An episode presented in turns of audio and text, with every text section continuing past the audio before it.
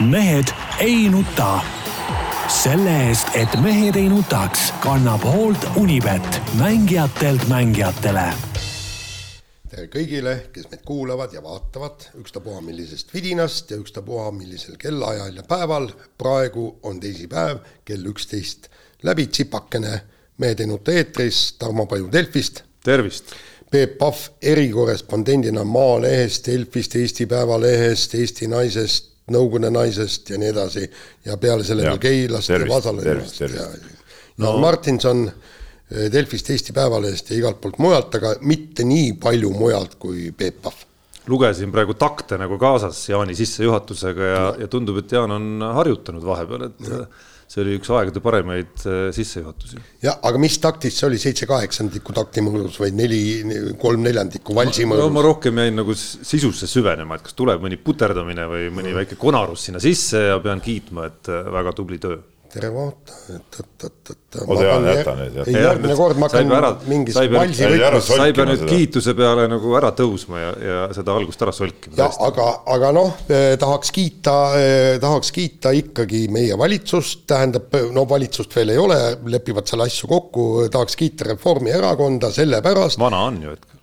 ja ei no vana on alles, ma räägin uuest valitsusest ja eelkõige Reformierakonda, kes lõpuks avastades, et eelmise valitsuse majan-, eelmine valitsus on täiesti Eesti, valitsus on Eesti majanduse täiesti pekki keeranud, siis nüüd hakkab seda remontima ja nüüd on järsku vaja leida kuskilt mingisugune miljard. Ja, ja tõesti, see eelmine va valitsus on tõesti täiesti tontlikult käitunud. Nagu viimased nagu kaks aastat olnud võimul Reformierakonna valitsused nagu rahanduse nagu pekki keeranud. aga ei, aga nüüd aga tuleb, nüüd tuli välja, noh. nüüd tuli välja, nüüd tuleb seesama Kaja Kallas, kes eelmise, eelmises valitsuses istudes Eesti majanduse pekki keeras ja siis ütleb, et nii, nüüd õnneks valijad meid valisid ja nüüd me hakkame Eesti majandust korda tegema. vaata, tehti mingi äh, see kokkusaamine, eks ole, siis tuli, anti aru, et rahandus, raha ei ole, rahandus on nässus aga enne valimisi reformistid seda ei teadnud muidugi, see tuli neile suure üllatusena, et ohoo ja sotsid ka, kes on seal valitsuses nüüd istunud, ohoo selline lugu, eks ole. ja, ja täpselt. Ja, ja kusjuures nemad kaks nädalat tagasi, kui need äh, valimiste eel kõik majandusest rääkisid, ütlesid, et meie majandus on kõik korras, raha on nii palju kui vaja, tähendab, me, me võime siin lubada kõike, absoluutselt kõike, taevast, maad, kõik kokku, ärge muretsege, küll me leiame raha ja nüüd siis järsku selgub, et, et raha ei ole. pane tähele, see on mingi nädala jooksul, et eh, noh, ma kahtlustan. see on, kuule, mehed, te olete, te olete elanud siin ilma peal päris, päris hea hulk aastaid, sealhulgas ka iseseisvas, taasiseseisvunud Eestis, et eh, on see esimene kord pärast valimisi, kui eh, selline asi juhtub? ei ole, aga kas sa pead seda normaalseks? ei, ei selles mõttes ei pea, lihtsalt lihtsalt no esiteks muidugi äh, rahaasju untsu keerata on aidanud palju rohkem kui see viimased kaks aastat ainult on ju, aga äh, see oli muidugi mingi saate sissejuhatuseks, mul oli siin enne valimisi juba nagu valmis see teema, aga kuidagi jutt läks mujale.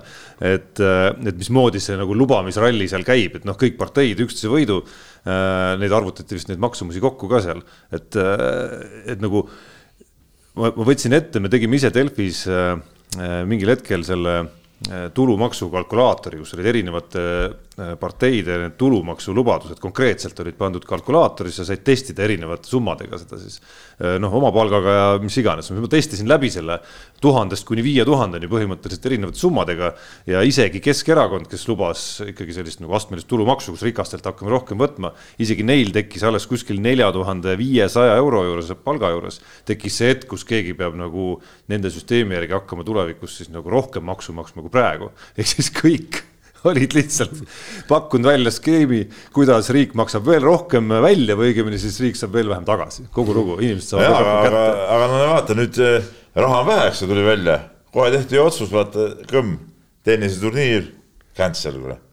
oli ju ja, ja absoluutselt. et see nagu, mul kohe tuli meelde ikkagi see vana Andrus Ansip seal kaks tuhat üheksa või kümme, millal oli see, kui võrkpallikoondisel oli raha vaja ja, ja siis Ansip seal tähtsa näoga ütles, et, et, et sport ei, ei ole nagu riigi asi või ei ole riigisport. No, ja, ja see on ainult. ja, ja see on, ja see on muidugi kogu selle Reformierakonna ütleme niisuguse spordi äh, toetamispoliitika sihuke nagu, nagu alustala noh.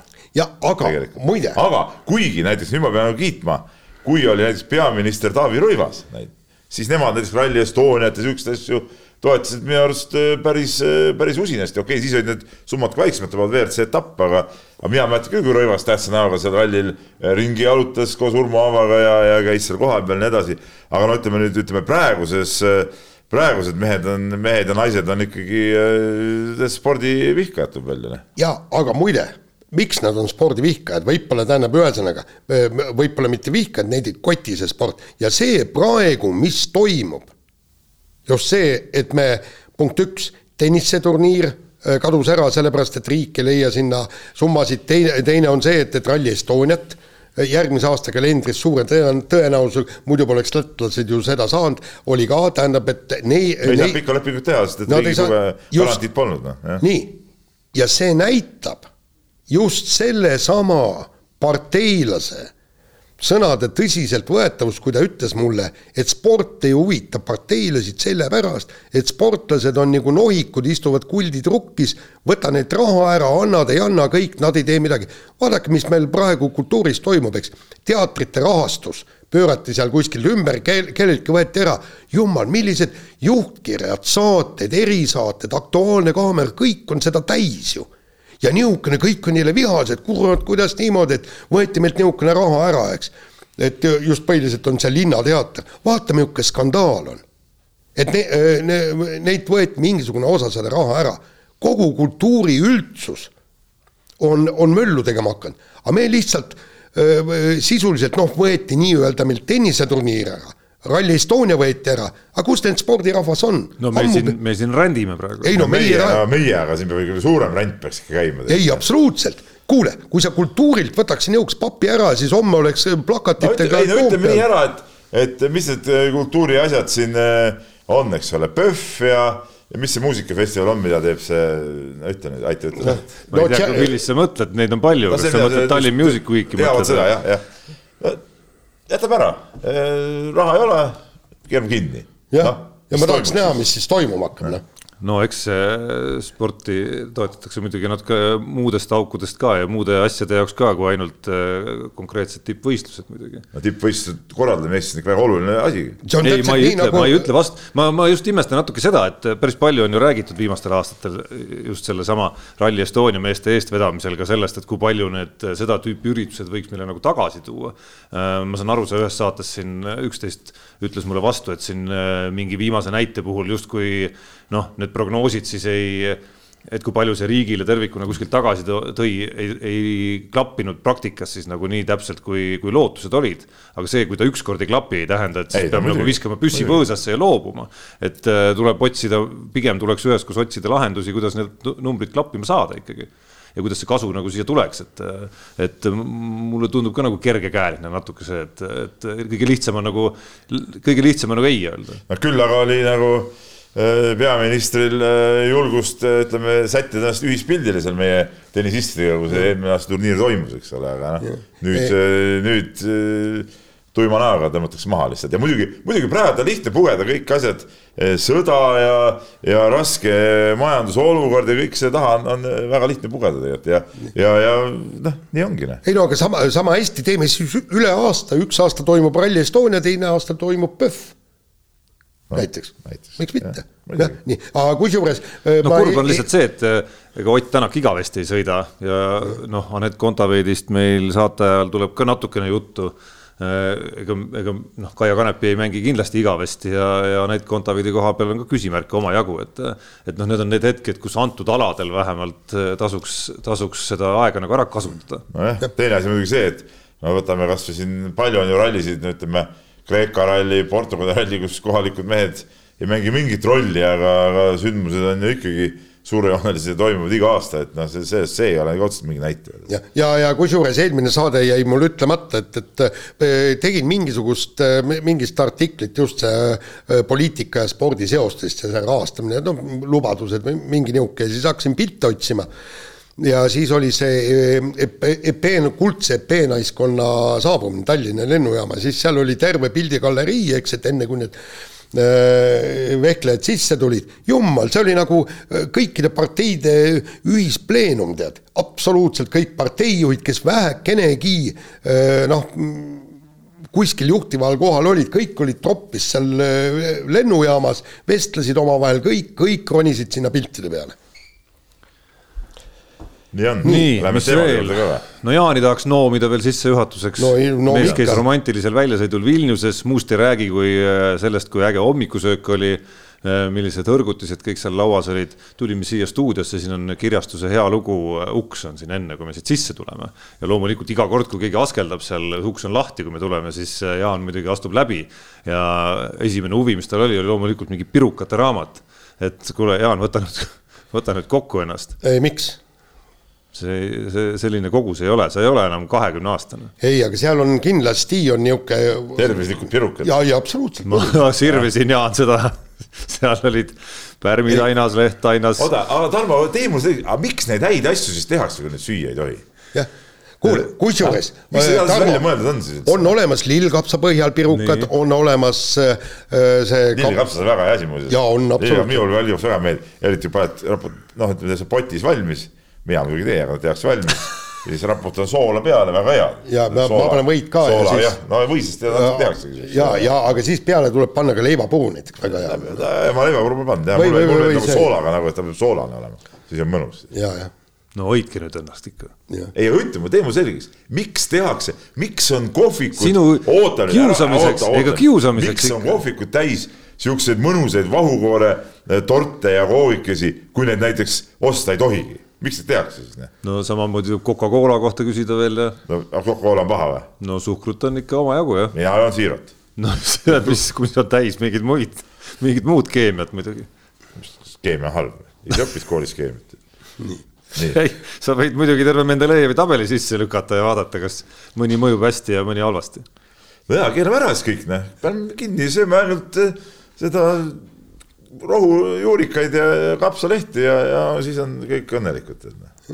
aga sissejuhatuse lõpetuseks ma tahaks langetada pea ikkagi, et see, mis õues toimub, tähistab ilmselgelt suusahooaja lõppu. ma jõudsin veel pühapäeval teha veel, veel viimase sutsaka. ma lihtsalt ei saanud, ei saa seda lugu rääkimata jätta, ma jõudsin pühapäeval teha veel mitte sutsaka, vaid korraliku pika ringi Kõrvemaal kus Aha. Äh, olud olid ikka noh, ma arvan, et see oli elu kõige ägedam suusaring, et olud olid nagu vapustavad ikkagi. lippas ka või? noh, äh, jah, ma jõudsin veel enne rajale minekut, kuna sõber jäi hiljaks natuke, jõudsin veel sealt nii-öelda Määrdemehele ka anda selle oma suusapaari, mulle tundus vähemalt äh, visuaalsel vaatlusel, et mul olid kõikidest nendest suusatajatest, kes seal rajal sattusid, kas minust mööda sõitma või kellest mina sattusin mööda sõitma, olid kõige libedamad suusad.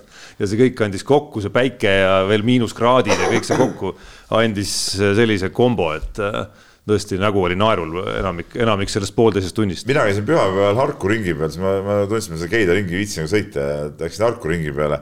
et oli väga, rada oli ka väga-väga mõnus oli olla, aga, aga libisemist küll ei olnud, ma ei tea, mul üldse nagu need suusad ei libise nagu, ma ei, küll mul Koidu Peep siin hiljuti määris ära.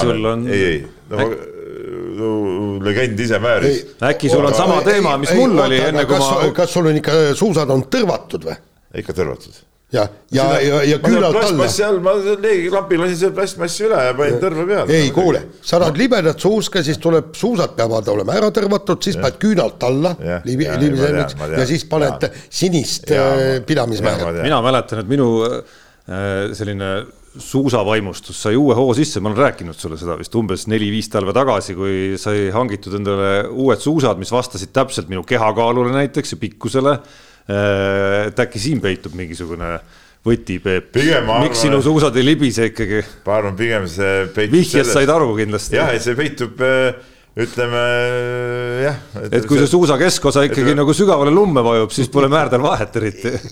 ei ta keskosa, ega ma siis klassikat ei sõitnud, eks ole, et seal sel, selles ei ole nagu küsimus, pigem on nagu ütleme siis ütleme neid äh, vatte ei tule piisavalt nagu välja selles, selles tõmbes nagu nii, kuule, aga lähme, lähme siis teemade juurde, lähme kohe suusatamise juurde ja siis eile puhkes siin.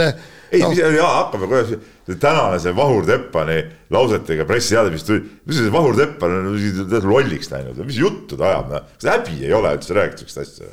kas häbi ei ole rääkida? no räägime alustuseks ära, et meil on. kõik teavad seda lugu juba. ei no igaks juhuks ja, ja no. ei ma olen täitsa, ma läksin täitsa marru, mõtlesin, ma helistan talle, et kuule, kas te tõesti, kas sa oled loll või, või mis, mis, mis asja, no missugust rumalust saab ajada, noh. no põhimõtteliselt kaksteist Eestis eh, sprinterit saaksid vabatehnika sprindis lauluväljakul eh, ma- maailmaga mõ- mõõtu võtta, maailmakarika etapp. Raido Ränkel eh, on FIS punkti järgi Eesti neljas vend, uuris kõik valmistus, tahtis sinna MK-etapile saada täpselt samamoodi nagu No Kalev, Kalev, Kalev. Ermits, kes teadlikult tegutses selle nimel, käis Eesti meistrivõistlustel, võitis äh, hõbeda, Ränkel on, võitis, on tänavu juba kolm kulda vist minu teada võitnud Eesti meistrivõistlustel, kõik küsisid, kas me peame veel midagi tegema, ei aitab sellest, kui teil on piisavalt hea FIS punkt ja nüüd eile selgus, et need vennad on koondisest välja jäetud sel lihtsal põhjusel, et nad on laskesuusatajad.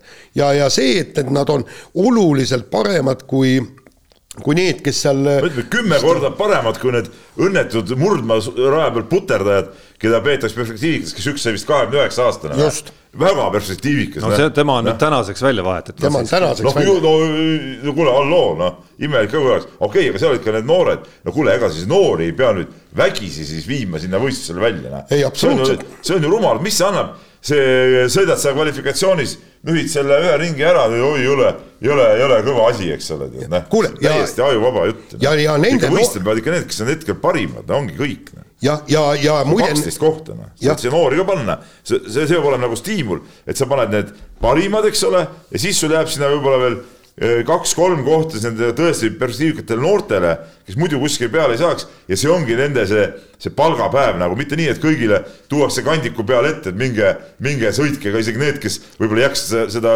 sprindiringi läbigi sõita, noh. nii, ja tegelikult see, et, et nii-öelda noortele, noorte vägisi sinna MK-etappidele toppimisest võib kõige paremini jutustada Kristjan Ilves.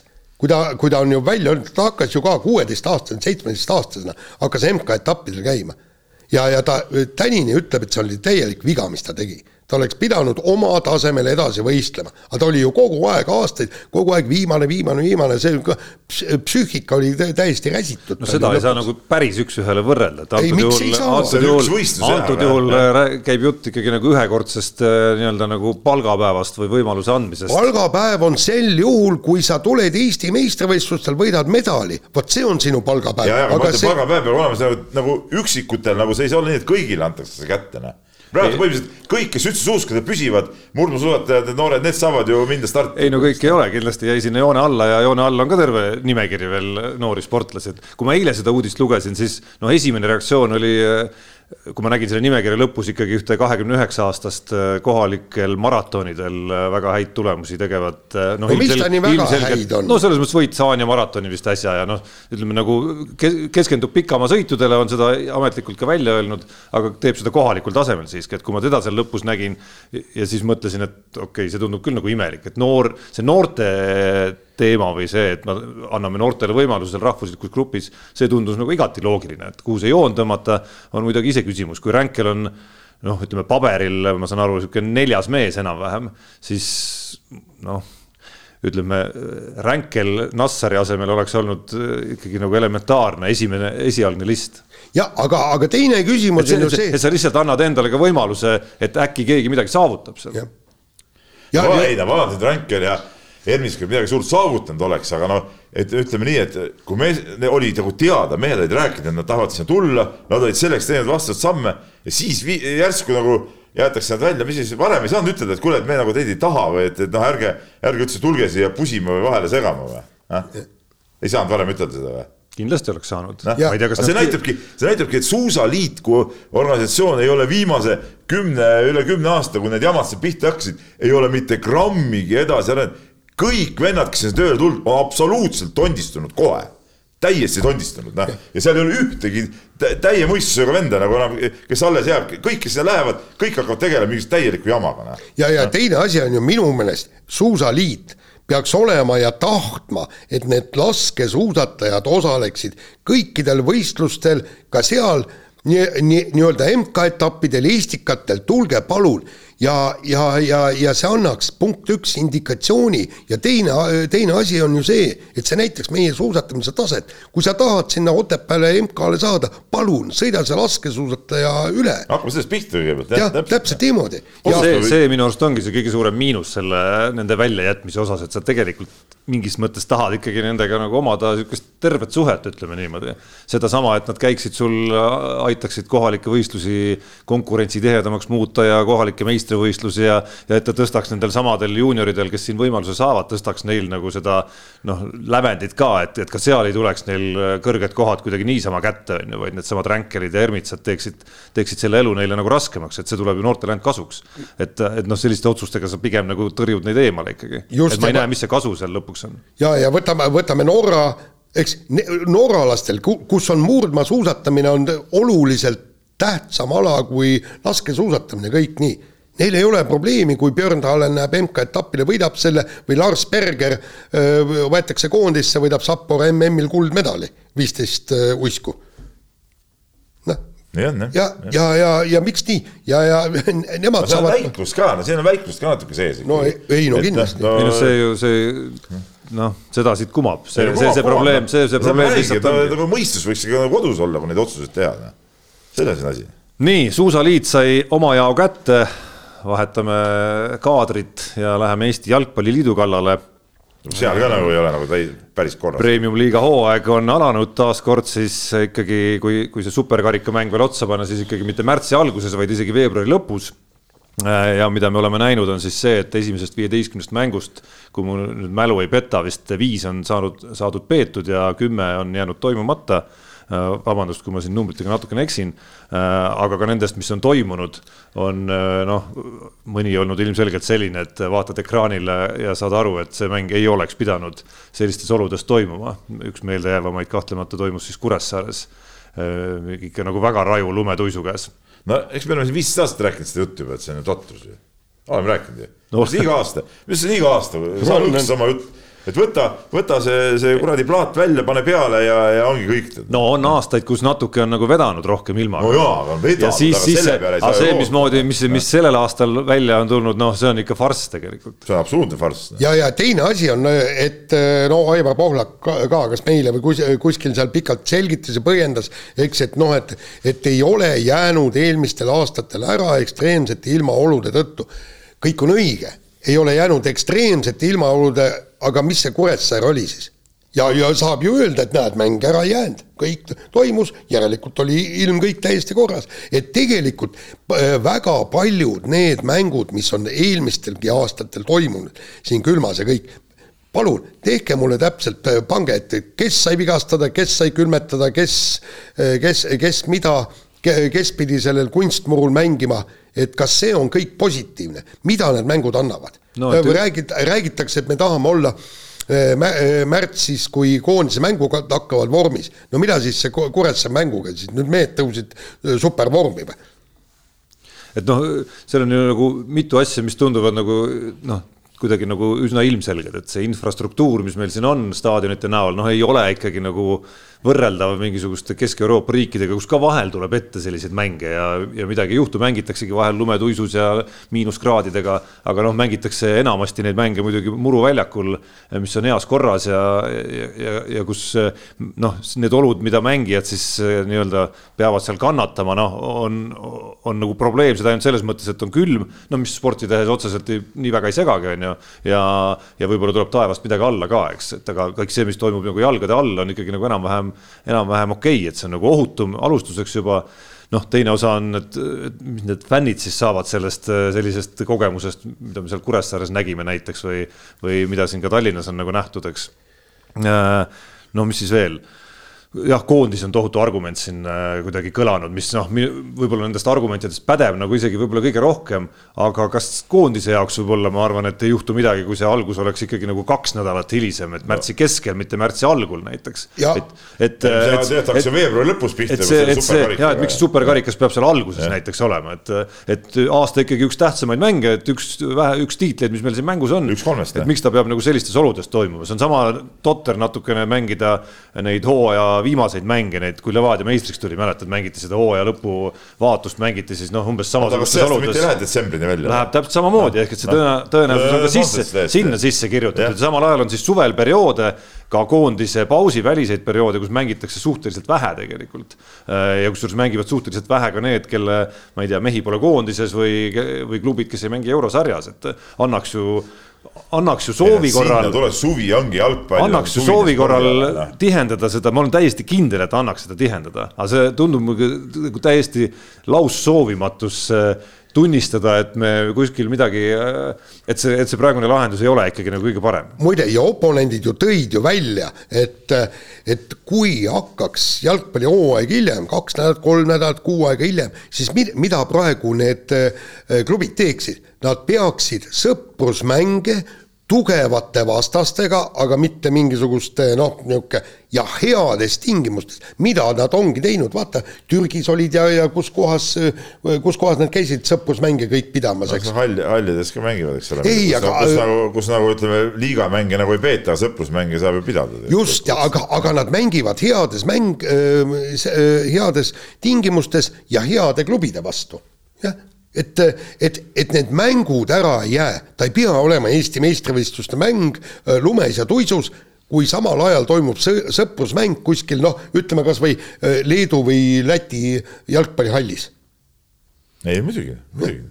Ja no ega see selles mõttes tundub, et ei kao kuskile see probleem, alles mingi hommik kuulasin äh, Taimi Paljakut, vist oli Terevisioonis äkki või, kus ta rääkiski nagu trendina ma tean, et meil on äh, kõvasid ilmahuvilisi kuulajate seas ka muidugi, aga tema rääkis seal trendina ikkagi seda, et, et pigem me viimastel aastatel näemegi, kuidas talv nagu noh, võib-olla algus on pehmem äh, kui tavaliselt, aga pigem see nii-öelda märts on aina rohkem ikkagi nagu talvekuu olnud ja noh, sel aastal me oleme näinud no,. märts siis... oli ka vanasti talvekuu, ma mäletan väga hästi. no kevad, ma tuletan meelde, algab ju kuskil kakskümmend üks äh, märts tegelikult. mul on kakskümmend viis märts sünnipäev, eks ole, ma mäletan, üks aasta ma sain äh, kingituseks rohelise Salvo Oki kiivri poisikesena ja, ja ma sain sel äh, samal aasta hooajal sain veel õues sellega okit mängida, et, et õues oli täielik talv veel noh, et see on siis noh, tehke, tehke samad järeldused, eks ole no.. see kiiver oli klassikaline, salvo, roheline. ei, need olid kõvad. Need olid head kiivrid. olid. aga noh, lõpuks jõuab ikka see teema sinna, et noh, kuulan siin teisi saateid, loen teisi artikleid ka, et justkui kõik asjaosalised on väga rahulolematud. ka, aga kõik see läheb nagu vastu seina, et, et, et nagu, et nagu asja nii-öelda peategelastel justkui nagu sõnaõigust nagu üldse ei ole. ei no Aivar Pohlak ongi ju nagu, nagu sihuke, sihuke müür lihtsalt, et ükspuha viska sinna muna või, või, või vesi, tuline vesi, see voolab kõik alla sealt ja. ise olete nõrgad lihtsalt. müür seisab ikka paigal, eks ole. ja ei, ei, huvitav statistika oli meie enda loos, Gunnar Leheste loos oli ju välja toodud naaberriikide nagu kalender ja, ja mängude arv ja, ja kus selgub, et, et saadakse ka hakkama natuke väiksema mängude arvuga, ei pea mängima sellist arvu, nagu meie siin mängime, mis tähendab, et täiesti okei okay oleks näiteks kaaluda nagu päriselt püsiva lahendusena ka seda koroona aasta lahendust, kus lõpus tehakse ikkagi väikene nagu skip sinna tabelisse vahele ja tipud mängivad omavahel äh, natukene ja alumised osad mängivad, alumised satsid mängivad omavahel, et neid variante on küll, kuidas seda mina teha. mina seda nagu... väga ei poolda ja mängude arv võib olla ka, aga mängud võivad olla siis tihedamad, suvel võivad olla mängud tihedamad, selles on kogu asi, see suvi on jalgpalliaeg, noh. ja ei, seda. kevad, suvi, sügis, noh. ei, aga seda kindlasti, aga kui me tahame kuskilt midagi kärpida ja nad ütlevad, et suvi pea, suvi peab jääma samaks, siis aga kindlasti. ma sellest pole. ei, ei, ei no,.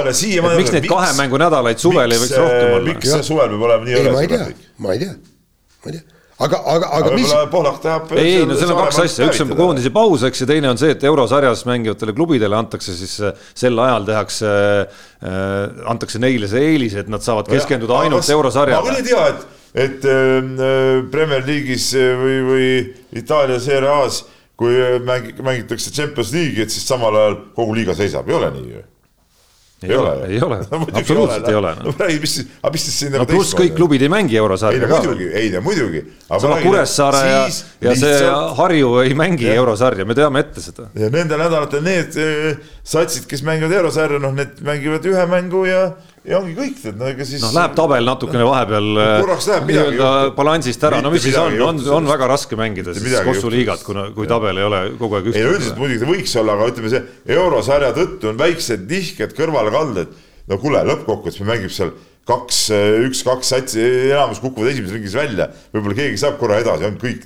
no mis, mis naljajutt on see noh. ja aga kõige huvitavam on see, kui sa Tarmo välja tõid, eks, et eh, kõik klubid, noh, rahuloleva, rahulolevaid klubisid praktiliselt ei ole, kõik sõimavad.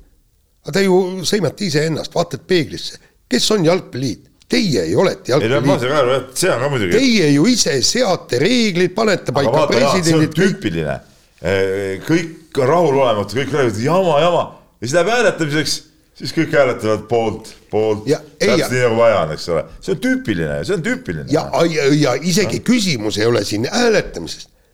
kõik klubid tulevad kokku ja ütlevad, meie otsustasime, meie, kes meie mängime meistriliigat ja esiliigat, meie klubid, otsustame nüüd nii, et kalender hakkab sellest kohast. Meie enne jalga väljakule ei tõ- ei tõsta, te võite teha siin igasuguseid paganama oma kalenderplaane või midagi. sellist ühtsust ei teki kunagi, sest et pooled meistriklubid on ju seal äh, ühe asjaga seotud kõik. no jaa, aga siis ärgu virisegu, siis Flora siis öelgu, et, et kõik on tore, mida vinguta, lähme mängime. ärgu jätku mänge ära, kui on ka mäng kalendris miinus kümme ja pa- paks, siis ütled, et aga nii peabki olema, see on õige jalgpall. see ärge vinguge, ärge jätke neid mänge ära.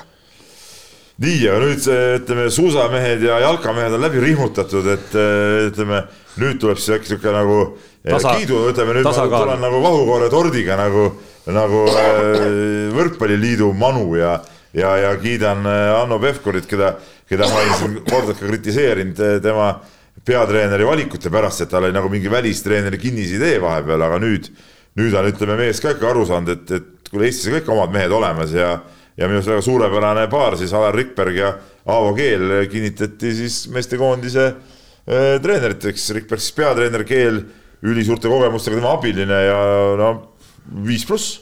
absoluutselt, tähendab ma, ma e- esialgu noh, vaatasin Rikberg äh, kinnitati peatreeneriks, kõik on jõle tore ja siis, kui ma lugesin, et Aavo Keel on tema abitreener, siis no põhimõtteliselt eh, minu meelest see andis, see, see, see oli täielik kirss sellel Absoluutselt, heal tordil no ma juba Peebu sissejuhatuse ajal mõtlesin, et et noh, teades esiteks seda kodumaise treeneri lummust. Et noh, et juba Bravo tuleb nagu sellest, aga kui ta veel näeb Aavo Keele nime seal abitreenerina, noh et siis, siis on mees müüdud. no muidugi, no no aga see on ju, aga miks me siis ei peaks kasutama oma neid häid mehi siis ära? ei, absoluutselt, no lihtsalt äh, tõe huvides olgu öeldud, üks abitreener on veel, ehk siis äh, noorema põlvkonna treener Lauri Zietselneks on veel teine abitreener ka. ja, ja, ja kusjuures ka tema on võetud, mulle, mulle see Rikbergi plaan ja kogu see süsteem ääretult meeldib, et see- seesamune ra- keerulise nimega mina seda välja ei hääldaks, et tema on ju au- Audenteses ja, ja mida Rikberg ütleski, et ta tahab, toob ta sellepärast meeskonda, et kui me ajame ühist asja, hakkame ühist, noh nagu mingisugune mängu, mängusüsteemi ja kõike tooma, et siis tema saab selle viia noorteni. ja, ja, ja ütleme niimoodi, et no esialgu on muidugi keeruline öelda, ootame nüüd eh, mõned mängud ära, mõne hooaja ära, aga mulle tundub, et Rikberg võiks olla nii-öelda eh, kaasaegne Aavo Keel, ehk siis kes võtaks selle võrkpallikoondise pikemaks ajaks enda kätte. ja, ja suudaks, ütleme seda kuidagi emotsionaalselt nagu neid mehi nagu jälle kokku liita, sest nii palju ma olen aru saanud, ikkagi lugenud siit ja sealt, et ütleme, need viimaste treeneritega nagu sihukest, seda meeskonda kui sellist ei olnud nagu väga. ütleme, ütleme Gretu ajal oli, oli, ütleme, see oli nagu üks konkreetne asi, eks ole, aga pärast seda eh, siin on nüüd kaks treenerit olnud, onju. et, et nende kummagi ju tegelikult ütleme, sihukest nagu ma saan aru, sihukest meeskonna sihukest ühtsust või, või seda vaimu nagu ei tekkinud. no viimaste aastate trend siiski natukene on ka see, et, et sul ei ole seda kogu satsi nagu päriselt korralikult nagu koos olnud, et Aga pidevalt on aga-, pidevalt on mingi, no ma arvan, ja ma arvan, et Robert Tähe nagu vigastusi Jaa. kuidagi ei saanud ei, ükski välistreener mõjutada. aga vigastused pluss võib-olla mõnede meeste ka võib-olla kerged loobumised on seotud sellega, et nad, noh, nad ei taha minna sinna, kus ei ole nagu mõnus, eks ole. vaata koondis ei ole selline asi, vaata klubi on see, kus sa teenid endale pappi, sa pead ära kannatama kõik, on see treener seal despoot või, või ükspuha, mis iganes, eks ole. pead ära kannatama, kui sa tahad aga koondis on siuke teine asi, sa oled oma riiki esindama, see on siuke mõnus, kus parimad tulevad kokku ja see peab olema siuke eriti hea atmosfäär nagu. no jaa, aga nagu teisalt ei ole see ka see koht, kus minu arust nagu väga kergekäeliselt ei peaks nagu ütlema, kui sul just tõesti vigastuste ravi ei ole pooleli, et, et ei, nagu see lipu, lipu aga, eest väljaminek peaks või... olema ikkagi nii-öelda nagu südameasi. no jaa, kui seal on mingi jura käib seal, noh siis nii ongi. jaa, aga Rikberg, Rikberg ütles, et tegin temaga intervjuu ja siis ta ütles, et punkt üks, kaalule ta mehi ei pane, eks, no siin on vihje vennale, eks, kellel oli kolm kilo ülekaalu, koondisse ei võetud, teine asi, aga ta võtab koondisse, ta ütles, et ta ta räägib kõikide meestega ja kõik nii, aga ta ütles, et tema jaoks on ikka esmatähtis see, et mees tahab tulla koondisse ja kui tal on tõesti ütleme niimoodi, et ta on hooajast väsinud, väike vigastus, kõik nii, tahab pere juures olla ja kui tema silmad ei põle, et no hambad sellised, mehed, lähme nüüd paneme, eks. et, et, et siis ta seda venda ei ja, ja, ja kusjuures vaata, tal oli ka huvitav see üks pluss üks pluss üks leping ja kõik need äh, iga aasta on siis äh, on omad eesmärgid, et üks on, esimene on nagu kohanemisaasta, järgmine on esmase tulemuse tegemine, tegemise aasta, ehk siis jõuda EM-finaalturniirile. ja kolmas aasta on tulemuse tegemine ja ta pani kohe paika, ma tahan teha parim, saada e-, Euroopa meistrivõistlustelt Eesti parima koha. noh, väga selge konkreetne jutt, noh. just. no, no iseenesest selge, et me oleme rääkinud sellest siin ka, et äh, olukorras, kus ootamatult jäädi peatreenerist ilma, ajaaken on suhteliselt lühike ka, noh, see tundus nagu täiesti elementaarne, et tuleb kodumaiste meeste peale minna, eriti olukorras, kus noh, kaks väga head kandidaati vaatavad sulle ikkagi nagu vastu ka, et ainus, mis siin võib-olla tagantjärele aruteluna veel võib-olla üks lisanurk on see, et Alar Rikberg versus Rainer Vassiljev siis, et äh, Vassiljev, kes peatreeneri ametis, ütleme, omab no ikkagi nagu suuremat kogemust ja on mitu hooaega välismaal ka peatreenerina noh, ütleme siis hakkama saanud, et, et kui sa hakkama ei saa, siis sa tuled enamasti sealt koju tagasi rahulikult, aga see, et ta on juba mitu hooaega olnud, näitab, et et, et tal on ikkagi nagu nii-öelda õiged äh, Marsseli kepikesed olemas ja õiged võtted olemas selles valdkonnas, et et see on selline huvitav koht, mida ma usun, et kuskil võrkpalliliidu otsustajad pididki päris tõsiselt nagu kaaluma, et kumb siis kaalub üle, kas see Vassiljevi peatreeneri nii-öelda pagas või siis see, et Rikberg on koondise enda juures ju olnud rohkem, eks kannab mingit järjepidevust seal natukene rohkem äh,, tunneb tänu sellele võib-olla mehi natukene rohkem, et see siis sai nagu, nagu, nagu rohkem maksvusele. ja aga, aga seal on huvitav ju ka see, eks, et, et see Rikberg ise pidas väga loomulikuks seda, et teda peatreeneriks valiti, sest ta ütles, kui Aavo Keel peatreeneriks sai, siis tema meeskonnad domineerisid Baltikumis. ja nüüd, kui mina sain peatreeneriks, on täpselt sama, minu meeskonnad domineerivad. mis on nagu äge selles mõttes, ehm, et mulle meenub kohe see hetk, kui Alar Rikberg sai nagu pooleldi sunnitud seisus, sai ju Tartu peatreeneriks ja ütles sinna juurde, et ma tegelikult oleks tahtnud aasta aega veel abitreeneri rollis, oli selline olukord? et ta on nüüd ikkagi nagu väga lühikese ajaga nagu leidnud selle peatreeneri soone üles endas. jah, õiged valikud, jah kiidame heaks. kiidame heaks. nii, aga räägime nüüd rallist ja äh, Georg Linnamäe sai äh, Portugalis Fafe rallil, mis oli siis Euroopa meistrivõistluste etapp, kolmanda koha. Äh, esialgu räägime siis Ott Tänakuni, jõuame ka hiljem, et, et tegelikult noh, ma olin mõneti natukene üllatunud ikkagi sellest, kui hästi ta tegelikult sõitis, sest Rootsis, Rootsis ei olnud ta äh, Äh, sugugi, sugugi sedavõrd tempokas, aga siin no ütleme, see kaotus võitjatele, noh. oli väike jah, kuigi ta ise väike. nagu sellega väga rahul ei olnud, nagu ma vestlesin mm. temaga ka pärast, äh, pärast rallit ja, ja tegelikult ta ise lootis, et see vahe võiks nagu veel väiksem olla ja, ja, ja rohkem nende tempos püsida, aga no tegelikult olgem ausad, see, see seekordne see ralli oli väga kõva tasemel ka, et seal tipus olid, olid väga, väga kõvad vennad ja, ja, ja noh, ütleme minu jaoks ka ütleme, see pigem oli see Linnamäe Äh, tulemus ikkagi positiivne, et, et, et see kaotus ei olnud suur. okei okay,, ta alles nagu ta ütles ka, et ta pole noh, see uus auto Hyundai'ga sõidab nüüd ja, ja uus tiim ja kõik, et ta pole kruusal saanud seda testida ja nii edasi. tema nagu sihuke mees, kes vajab nagu siukest hästi palju testimist ja treeningsõite ja neid, neid siukseid kordusi. et, et, et seda arvestades äh, Äh, täitsa, täitsa viis pluss ja no me siin nagu jutuajamise käigus temaga võrdlesime ka seda, et tead, eelmine aasta sama ralli oli ka kolmas, et siis ta teised kohad langes kolmandast lõpuga.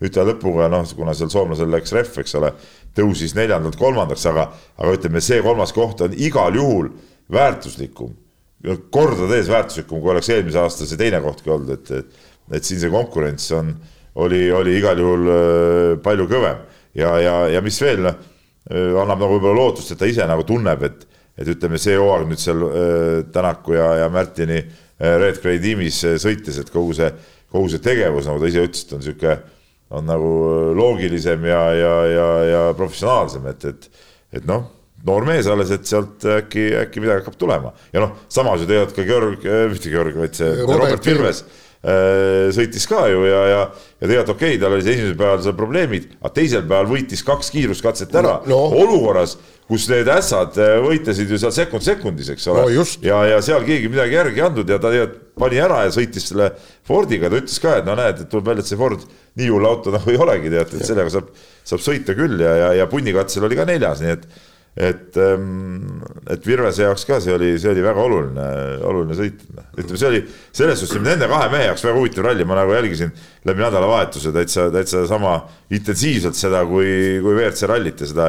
ja tegelikult mingi noh, see kandis üle ka see Sport Open, et ma sealt, ma kõike ei vaadanud otse, aga, aga tulemusi jälgisin ja vaatasin vahepeal otsesõitust ka, et ei väga, väga hea ralli oli. jah, aga nüüd äh, sel nädalavahetusel on Mehhiko ralli ja Ott Tänak on on kenasti stardis, esimesena stardib, mis ei ole väga kena, sellepärast tema on see teepuhastaja. ja, ja kui, kui me peaksime midagi ütlema, siis mina ei oska küll mitte midagi öelda sellepärast, et seal on jut... see kõlas küll hästi muidugi. ei no absoluutselt. sina nüüd ei oska mitte midagi öelda. ei no okei okay,, midagi. Nagu isegi kui sa ei oska, Jaan, siis ikkagi, siis, äh, siis ei tohi lasta ennast takistada, ma arvan, et meie kuulajate-vaatajate ootus on ikkagi, et sa ütleksid sellest hoolimata. ei no aga vaata seal, seal, mida nad räägivad, eks, et kõik on õige, hõre, õhk, ta-ta-ta, kõik muu, aga väidetavalt siis äh, see hübriidsüsteem nagu tasandab natukene sellest hõredast õhust äh, tekitatud võimsuse vähe väiksemat võimsust. et kui noh, ta annab kiirusele natuke juurde ja, aga punkt kaks, keegi ei tea, kuidas see hübriidsüsteem sellises kuumuses ja, ja, ja seal töötab, et et see on täie, täiesti kullikirja viskamine ja põhimõtteliselt, kui ma peaksin nüüd panuse panema, mida ma ilmselt teen, ikkagi ma paneksin Ožeele sest ta on väga motiveeritud ja tahab ja väga hea stardikoht. ja väga hea stardikoht, eks. mis seal mängib Mehhikos väga suurt rolli, sest Mehhikos ees startida, tõesti, kui nüüd tee on kuiv, siis on ees startimine on ikkagi, ikkagi täie, tõeline piin. jah, aga. ma, ma, ma oleks segan veel, ma mäletan õigesti, ma kuskilt lugesin, vaatasin, et et äh, seal päris, päris pikkade aastate jooksul esimesena startinud mees ei ole Mehhikos võitnud. no põhimõtteliselt ei ole jah, me ei saa minna sinna aega tagasi, kus sõitsid Lööb ja ja, ja, ja siis äh, Ossier oma Volkswageniga, sest siis oli lihtsalt äh, ja. see auto, auto ja mehe, mees domineerisid sedavõrd, eks aga, aga, aga nüüd jah, aga noh, mis me, kui Ott Tänak suudaks ennast poodiumile välja venitada, see oleks juba. poodium oleks kõva sõna. väga kõva sõna selle saatuse lõpetuseks äh, räägime, ma ei oskagi seda teemat kokku võtta kuidagi, spordimaailma pahupoolest või maailma pahupoolest, ütleme siis niimoodi. Äh, rahvusvaheline Vehklemisliit lubas nüüd siis ametliku otsusena Venemaa ja Valgevene sportlased tagasi võistlustele. karta on, et ega see viimaseks alaliiduks või viimaseks valdkonnaks ei jää, kust siukseid otsuseid nüüd tulema hakkab. ei no see, no siin mingit üllatust ei olnud tegelikult, olgem ausad, me tegelikult ju me oleme siin saates rääkinud, me oleme omavahel seda rääkinud, et et, et see, see ilmselt nii läheb. kuidas see kõik, kuidas see kõik välja hakkab nägema? ei ja, kujuta no, ette päris no, hästi. selles suhtes, et no vot, ma olen mõtlesin seda, et, et kõik ütlevad, kuidas see nagu välja näeb, aga eks see näeb välja samamoodi nagu, nagu tennises, noh, et mõned üksikud, nagu siin nüüd eilegi vist oli mingi uudis, kuidas üks, üks Ukraina tennisist ei suutnud Valgevene ranna vastu mängida, eks ole. aga üldiselt nad ju mängivad ja, ja, ja eks, eks see samamoodi välja näebki, noh, et ma ei usu, et seal nüüd nüüd keegi mõõgaga hakkab eh, kedagi eh, läbi torkama või, või niisugust asja ma ei usu, aga aga, aga, aga noh, tervikuna otsus loomulikult on halb ja, ja, ja eks see sinna, sinna auku hakkab minema, no midagi teha ei ole. Noh. jah, ja, ja, ja teine asi, teine asi on, on see, et, et mida, mida ka rahvusvahelised vehklejad ja ka meie omad, kellega ma olen rääkinud, et ütlevad, et, et et nad tahaks nüüd, et keegi suunaks tule nende pealt ära ühesõnaga, et nemad ei oleks see otsustaja, ma olen meie vehklejatega rääkinud, nad ütlesid ei, ma ei taha venelasega kohtuda. küll aga ma tahan oma riiki esindada Pariisi olümpiamängudel. ja ma tahan ka ise sinna minna.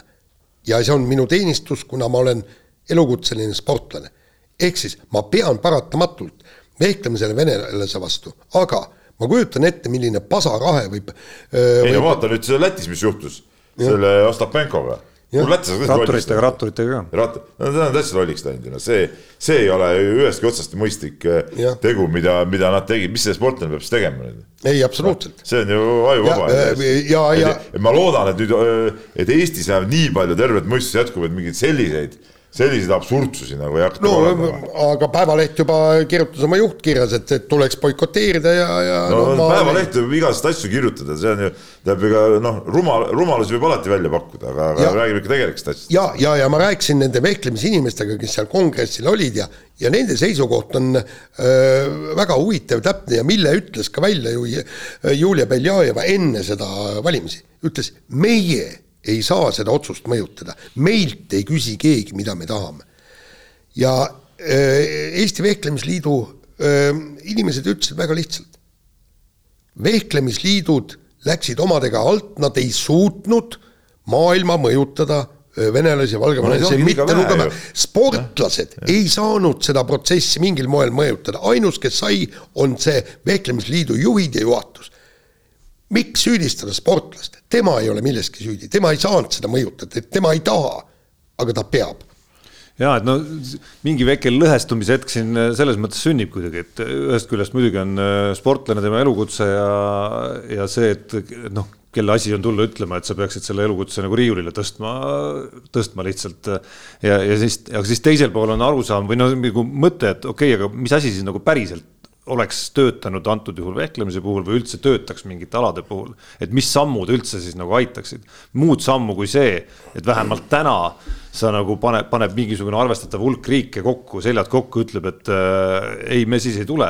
et mingit muud sammu ma ei kujuta ette, mis see, mis see muu samm võiks olla, mis võiks veel mingi efekti nagu anda. kuhu ei tule siis ühe, ühelegi vehklemisvõistlusele? no mingile järgmisele võistlusele näiteks, me ei tule No aga no- ja siis, ja siis vaadata, mis siis juhtub, eks ole. ei, aga muide, see, ma räägin, et see, see asi mingi sada, no okei okay,, sada päris ei ole, mis see, mis see jäi kaheksakümmend, kolmkümmend või nelikümmend, mis need hääletused jäid umbes no.. ei no seesama Kossu näide, et kui ikkagi Leedu ei tule, noh, no siis see on mingi asi, mis äh, võib muuta midagi. jaa, aga, aga no kes seda teab, kuidas seda teab, kuidas seda teevad?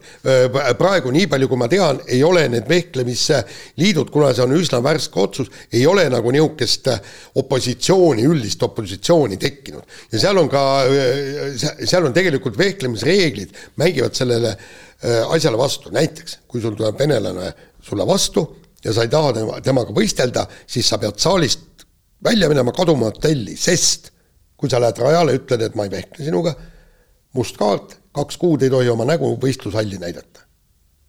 näiteks nii, ja, ja tegelikult oli, oli, oli väidetavalt see oli, see oli kas EM või kadettide või no mingisugune turniir, oli kohe pärast seda eh, Venemaa sissetungi Ukrainasse ja seal toimus täielik kaos. et, et, et see, see lõppeski kaosega. see jäigi ju pooleli või kuidagi. see jäigi pooleli jah, ja, ja seal oligi niimoodi, et, et venelased said poolfinaali ilma võitluseta ja siis nad nägid ise ka, et see asi on ju totter. ja siis nad ise ka loobusid, ühesõnaga nii, et, et, et see on nagu üks variant ja võimalus, aga noh, ma ei tea, kuidas need riigid, riigid ja asjad see tegema, hakkavad. mis me ennem ütlesin, et kuidas see hääletus tulemas jäi, et seal on ju, seal on ju mingi pagana kaheksakümmend riiki umbes, kes, kes hääletasid nende tuleku poolt, noh. okei see on muidugi, see on muidugi selles mõttes naljakas, et, et palju neid riike tegelikult on, kes tipptasemel vehklevad muidugi. Kus nende see kus see kaheksakümmend üldse välja ilmub, palju on naiste, ütleme, palju reaalselt on maailma tipus vehklemisriike? me räägime ikkagi nagu, ma ei tea, kolmekümne-neljakümnest, mis maks jaa, kõikide erinevate dis- distsipliinide peale. Aga ikka seal on ju üle kahesaja, FIFA-l üle kahesaja liikme vist. et see, see selleks, ma, ma saan mõttest aru küll, aga lõpuks on ikkagi nii, et siis eh, nende, ütleme, pooldajate hulgas on kahjuks ju ka eh, tugevad, ütleme seal mingid Hiinad ja, ja no ma ei tea, mis see, mis see Korea näiteks eh,, ma mõtlen Lõuna-Koread muidugi, eks ole eh,, mis ameeriklased teevad, eks ole, ütleme ei, ameeriklased olid vastu oli vastu, ja, ja olid vastu vastu ja, jah. noh, et, et aga seal ikkagi on mingid riigid ja küll nad siis võistlused ikka toimuvad, noh No kõik, noh. ja, ja, ja mida ma nagu pelgan või mis ma arvan, seesama efekt, nagu me rääkisime siin jalgpalliliidus või, või, või kus on see hääletamine käib alati. lõpuks ütleme nendest, kes praegu ütleme vastu hääletasid, kui öeldakse, et noh, et aga nüüd me keegi nagu ei lähe sinna võistlema. no sealt ikkagi mingi hulk ikkagi lõpuks läheb, noh, see on, see on ka nagu selge, noh Aga- on nii. aga natukene vehklemise spordi poolest ka, viimasel MK-etapil Budapestis Nelli Tihvert sai kolmanda koha ja, ja trendi vaadates küsimus on, ma usun, põhjendatud, et kas meil ongi uus esivehkleja. no ütleme niimoodi, et, et kõigepealt muide, ma tahan siia öelda, et, et Erika Kirpu vehkles ka väga hästi kuni veerandfinaalini, eks, et me räägime praegu tulemustest ja Ei. selge see, et, Ja- et Differti tulemused, kui me Ja- võtame niimoodi viimase ja on- aasta lõikuse kõige paremad, ongi on- praegu esinumber, no on- siin siin pole on midagi esi- vaielda. esinumber ja tegelikult tabelit me teame kõik, küsimus Jah. on lihtsalt, et kas me, kas me näeme seda jätkusuutlikult jätkumas. No ma, ma ise rääkisin äh, Differtiga, ta ütles niimoodi, et ta on äh, saanud enesekindlust juurde sellega, eks, et, et ta on, ta on vaimult tugevamaks muutunud, noh, ta vehklemine ka parem ja kõik, et et tegelikult see po, äh, poolfinaalis oli see, ta jäi ju äh, üheksa, neliteist jäi taha, taha ja sealt tuli neliteist neljateistkümne peale, et see oli jube kahju, et, et äh, lisaajal selle torki sisse sai, aga ta vehkles hästi, mitte midagi teha ei ole ta tõesti vehkles hästi ja, ja ma absoluutselt ei, ei imestaks, kui kuskil, kuskil maal ta, ta võtaks tõesti kas kõrgema koha või tuleks tiitlivõistlustel medalile, täiesti võimalik. kaugel on Katrina Lehis? ja Ei tea. sotsiaalmeediast näinud, et ta oli kuskil äh, soojal maal äh, treenimas, niisugust noh, üld, üldist trenni tegemas Ma, mingite äh, piltide põhjal. ma miskipärast äh, arvan, et, et, et ta tuleb maikuus alles välja, aga, aga noh, aga siis tal läheb ka kohanemiseks aega, sest na- nagu me näeme Julia Beljajeva pealt, et et, et see ikkagi nii-öelda tippvehklemisse sisseminek, see võtab ikka mitu kuud aega. nii, aga laseme kõlli Läheme kiirvahemängu juurde, räägime esialgu käsipallist ja Eesti kä- käsipallikoondis kodus võitis Iisraeli, Iisraelis äh, kaotas samuti kahe väravaga ja nagu ma sain aru kokkuvõttes, siis Iisrael on eespool, kuna nad viskasid võõrsil äh, rohkem väravaid ja no lõppude lõpuks, no kuulge, poisid, et sa- saage, kaua me räägime sellest äh, käsipall, no Patrelil oli ju võimalus, Patrelil oli võimalus. Ja mis, vaata, mis võimalusest sa räägid? pääseda kuhugi finaalturniirile, te olete ainsad, kes ei ole pääsenud, no okei okay,, jalgpall ka, aga noh, see on teine loogika. et praegu oli ju see võimalus, võimalus ja, ja kui te vaatasite kommentaare, seesama Patrel, tema võttis selle mängu lõpus, võttis enda kätte, hurraa, väga hästi tegi, aga, aga tema panus alguses, nagu öeldi, et, et alguses oleks pidanud ka seda, seda viima, võta see võit ära, sul tekib väike võimalus, aga nüüd on mis kui järgmised kaks mängu Tšehhile ja Islandile kaotate, kõik mudaliiga on jälle, peate alustama nendest eelmängudest. no ikka üsna sihuke nagu hapu maitse jäi, jäi suhu küll ikkagi sellest äh, topelt, topeltmängust, et, et noh.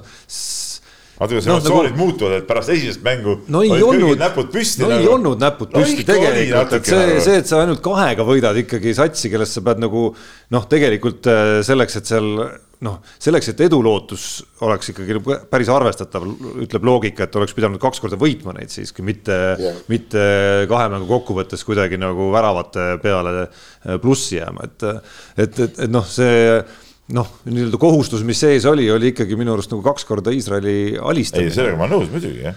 et, et selles mõttes ei saa nagu kummagi mänguga ju nagu lõpp, noh, kaotusmänguga nagunii, aga, aga ka kodumänguga ei saa nagu lõpuni siiski nagu noh, nagu päris rahule ikkagi nagu jääda, et pigem jälle sihuke kasutatud, kasutamata võimaluse tunne jääb nagu sisse, et see, kuidas Iisrael seal kordusmängus suutis eestlaste mängu nagu täitsa, kuidas öelda, kinni kiiluma on väljend ja siis ma ei tea, kinni kiilutada noh, see nägi ikkagi nagu päris hapu välja, et kuidas esimesest mängust olid järeldused tehtud ja, ja., ja meie eh, resultatiivsem mängumees lihtsalt nulliti nagu totaalselt ja täielikult ära ja meil ei olnud sisuliselt enne, kui Patrel seal lõpus hakkas asju enda peale võtma, nagu ei paistnudki mingisugust vastukäiku, et mis see oli, Patrel oli resultiivsem, mis ta oli, viie väravaga või kuue väravaga no mis tulid ka lõpus enam. ja, ja just, jah.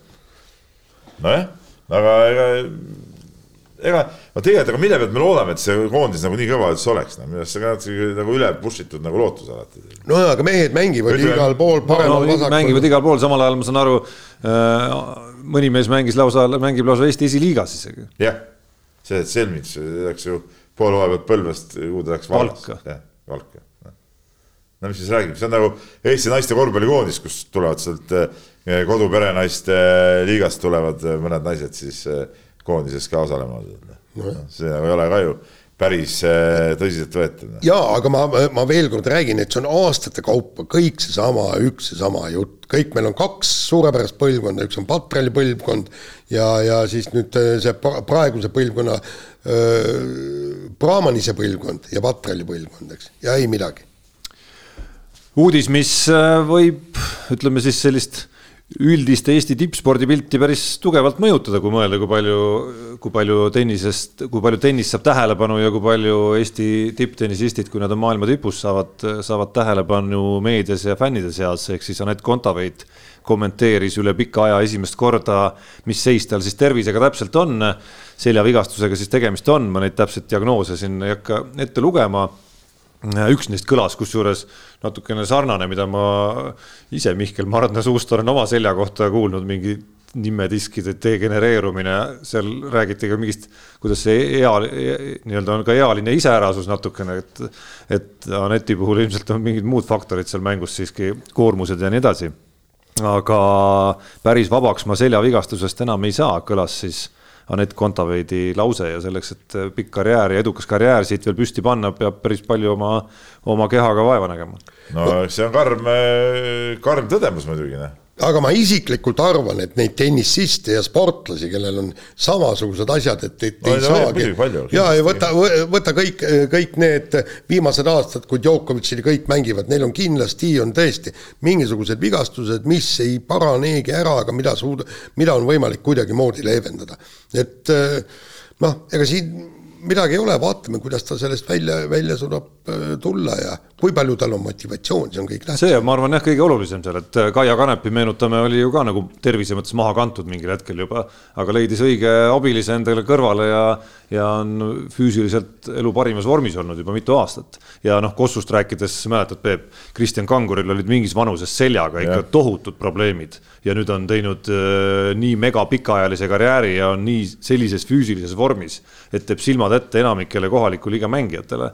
et ja noh, ma olen ka näinud sa oled ammugi näinud veel tihedamalt, mismoodi ta kasvõi mänguks ette valmistub ja mida ta teeb mängu eel, mängu ajal. see ongi, see ongi suur, suur töö, noh, see on, see on väga suur sihuke kuidas ma ütlen, ka rutiinitaluvus, sest see on väga-väga, väga nüri rutiinne töö on see. kui mitu korda oma ja, elus on ja. saanud kätte võetud, et nüüd ma teen korralikult, äh, kui raske on seda nagu hoida mingit, ma ei tea, kahtekümmet minutit päevas näiteks, et sa võtad ja. selle iga kord ja teed mingeid selliseid noh, suhteliselt nüriseid asju. muide, ja teine pika, pikaealine, kes oli, oli Margus Metstak, see, see oli. kellel oli ka seljahädad muuseas. just ja, ja, ja siis, siis ma, ma olingi omal ajal. Ma... ma segan, Gerd Kanteril kusjuures oli samamoodi ja. karjääri mingis faasis päris päris palju neid hädasid. Ja väga tuttavad harjutused, mida, mida ma Kristjan Kanguri esituses olen näinud seal enne mängu, olid juba Gerd Kanteril äh, Arsenalis. ja aga mäletate, kui see, siis ma käisin ju seda korvpalli ka ju rohkem vaatamas, kui Margus Metstak tuli oluliselt äh, enne teisi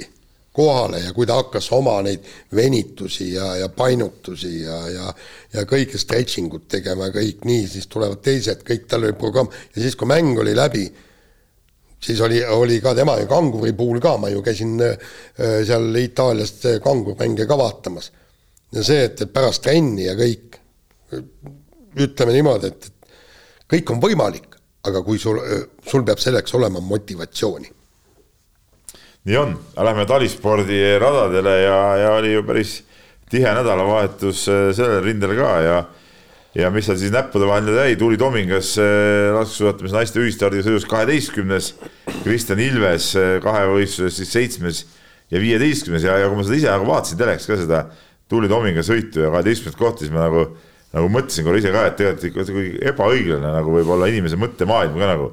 et, äh, et kui Ilves saab seal mingi seitsmenda, viieteistkümnenda koha, siis noh, käitad õlgu, et noh jah, et, et ei tulnud hästi välja seekord, eks ole et, et, et, et oleks võinud nagu esikolmikusse minna, aga kui Tomingas seal võitleb nii-öelda kümnenda koha piiri peal, siis see tundub nagu, nagu mingi ülikõva ülimasi nagu, et, et et, et selline nagu sihuke mõttemaailma ebaõiglus nagu, nagu lööb ka välja. Noh. no jaa, aga tegelikult, tegelikult on, sellepärast et Tuuli Toomingas on tõesti teinud suurepärase hooaja kuigi tal on null stabiilsust. suurepärase hooaja teise poole, ma ütleks. jaa, aga ka teises pooles on tal jamasid olnud no,, aga stabiilsust ei ole vot see, see ongi, mis on Kristjan Ilvesel, mispärast me ei rõõmusta tema seitsmenda koha, sellepärast et temal on stabiilsus seal ütleme niisugune kohtadele viis kuni kümme, viis kuni kaksteist. seal on nagu kogu aeg, eks ole, see Ta on seal nagu ei pakugi nagu sellist emotsiooni enam, et, et, tema toodaks kogu aeg ikkagi nagu seda esikolmikusse tulekut, esikolmikusse tulekut, noh, ja lõpuks ka võitu, eks ole, loomulikult. jah, aga, aga see oleks muidugi ei tähenda seda, et, et Ilves kuidagi nagu kehva oleks või, või talle nagu kaasa ei elaks, lihtsalt nagu see niisugune mõte on nagu. aga, aga ülikihvt oleks see, et, et kui järgmisel hooajal, loodetavasti järgmisel hooajal, Tuuli Toomingaks leiaks tõesti niisuguse stabiilsuse, nagu ta tahtis leida selleks hooajaks. mis tähendab järjepidevalt kahekümne parema hulgas olemine, aeg-ajalt põikad esikümnesse ja õnne korral ka poodiumile. noh, selles mõttes jah, see järgmine samm oleks selgelt see, et sa oled seal ühistardis, noh, püsi, püsivalt praegu, praegu kaks korda on see õnnestunud selle pealt, et sa konkreetsel võistlusel nädalavahetusel või siis MM-il äh, oled saanud noh, ühes või kahes sõidus hea koha, eks ja saad selle nii-öelda selle viimase viie pealt sinna sisse, aga, aga eesmärk peaks olema ma arvan kindlasti jah, saada stabiilselt sealt top kahekümne viies olemise pealt sinna sisse, aga no sinna on kui sa hooaja terviku võtad, on tal tegelikult punktide mõttes päris pikk tee veel. jaa, punktide, aga kui me vaatame hooaja lõppu, siis see, see ei ole absoluutselt võimatu olla järjepidevalt kahekümne sees. nii, mina Jaan, Jaani kord. jaa, räägime korvpallist, Kalev Cramo hakkab eurosarjas mängima teist mängu, oli see Bambergiga. oli Bamberg endiselt, Bamberg. nii, ja äh, kodus kahe punktiga võit, jah? Kolme. kolm ei olnud siis ka? kolme, kolme punktiga ma ajasin käsi palju seal koos, koos sireeniga sisuliselt lükati, tõugati üks ise sisse aga, aga, aga nüüd mis siis on, meil on lehes huvitavad uudiseid, kas Kalevi võimalus, et, et nende parim või mängujuht või kes iganes Keskmängija siis. keskmängija sai, sai vigastada, et kas, kas meil on tõesti vaja nüüd siis eh, nii-öelda taeva poolt eh, õnne või, või, või suudab see Kalev ise ka ilma mm, nii-öelda vastaste vigastuseta selle no ega me kumbki nüüd Peebuga ei ole seda Bambergi mängu nii palju ja nii hoolega jälginud, et, et omada nagu väga head pilti, mida siis see Senkfelderi puudumine seal siis täpselt nagu teeks, iseenesest on tegelikult muidugi päris ägeda. mängu seal vaatasin päris äh, tähelepanelikult, et oli küsimus selles, et Ei, ma mõtlen püsivalt. Aga ma vaatasin Kalevi poolt, siis ma olin Kalevi ikka mäng. ei, ma mõtlen nagu püsivalt läbi hooaja, eks iseenesest muidugi on tegemist väga kõva mehega, et tegi Eesti, Saksamaa koondise särgis tegi meile ka päris muidugi, kõvasti päris kõvasti pahandust, et selgelt äh, aga ilma temata nad nüüd ikkagi võitsid koduliigas. jaa, absoluutselt. mängu algul mängu algul sai ta ju, sai ta ju nagu kohe vigastada, et noh, ma ei tea, mul on jälle mingisuguses äh, nagu lõhkine isik siin, et, et ühest küljest on mingi aimdus, et noh, see, noh.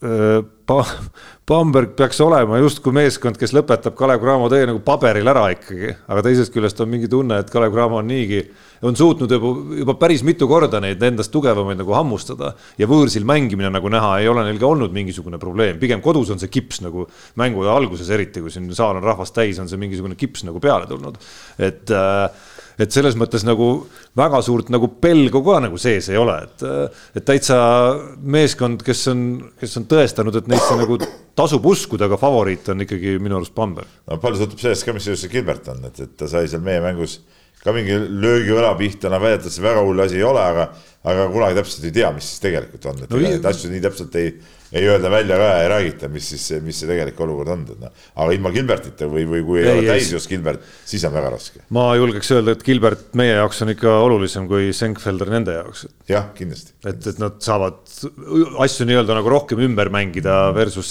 see, mis, mida Gilbert tähendab meie jaoks, et siin äh, ühes ühes teises äh, korvpalli podcast'is on äh, Andres Sõber pannud puigid alla siin, kui Rannulale üldse millegi eest on olnud panna, siis selle eest, et miks Gilbert pingilt tuleb, et no see on nüüd küll nagu, nagu- treeneri selge mingisugune oma idee võib-olla, miks, miks ta nii teeb. no ütleme, kui mäng algab kehvasti ja tema peab tulema päästma seda, siis on nagu isegi argumente küsida niimoodi. aga see on nagu tagantjärele tarkus muidugi. nojah, et see saab olema huvitav näha, kas ta, kas ta nagu selles äh, kordusmängus saab olema kohe, kohe väljakul või mitte, sest ega ta iga kord ka niimoodi välja ei tassi seal meeskonda. nojah, aga ma ütlen, see ei ole nagu päris eh, niimoodi võtta, mis ega siis noh, tihtipeale ongi see, et sa tahadki selle vahetusega nagu seda meeskonnal nagu uut käiku juurde tuua ja siis seepärast mingid mehed tulevadki pingi pealt, ega head mehed, väga head mehed tulevad pingi pealt. ega see mingi NBA ei ole, kus nagu, nagu kui mingi äss on ausalt pingilt, see on mingi uudne draama, draama. ei no ilmselgelt äh, tundub ta ka mees, kelle jaoks see sobib, erinevalt ja. paljudest paljudest äh, mängijatest lombi taga, kes tekitavad sellest maailma suurima probleemi, kui nad ei ole esimeses viisikus väljakul aga selle saatuse lõpetuseks ikkagi püsirubriik Nädal Keilas tuleb morbiidsetes toonides seekord. Peep on saanud oma, ütleme siis professionaalse treeneri karjääri ütleme esimese karmi vigastuskogemuse ka nüüd kätte, kui Sten Saaremäel enne otsustavaid kevadisi mänge on audis ma räägin, räägin siia oma nii-öelda kogemustest, et siis, kui ma. oot, oot, oot. see tsehhi naiskonna. ei, ei, ei, ei, oot, oot, oot. ei ei, kui ma vaatasin, äh, vaatasin Ameerika jalgpalli, seal on neid vigastusi on palju. ja üks asi oli minu jaoks täiesti mõistmatu. Nende suur staar saab vigastada ja sa näed, et ta saab vigastada niimoodi, et hooaeg on lõpuni. ja siis näitab suures plaanis treenerit. treeneril silm ka ei pilgu, mitte mingit reaktsiooni ei ole.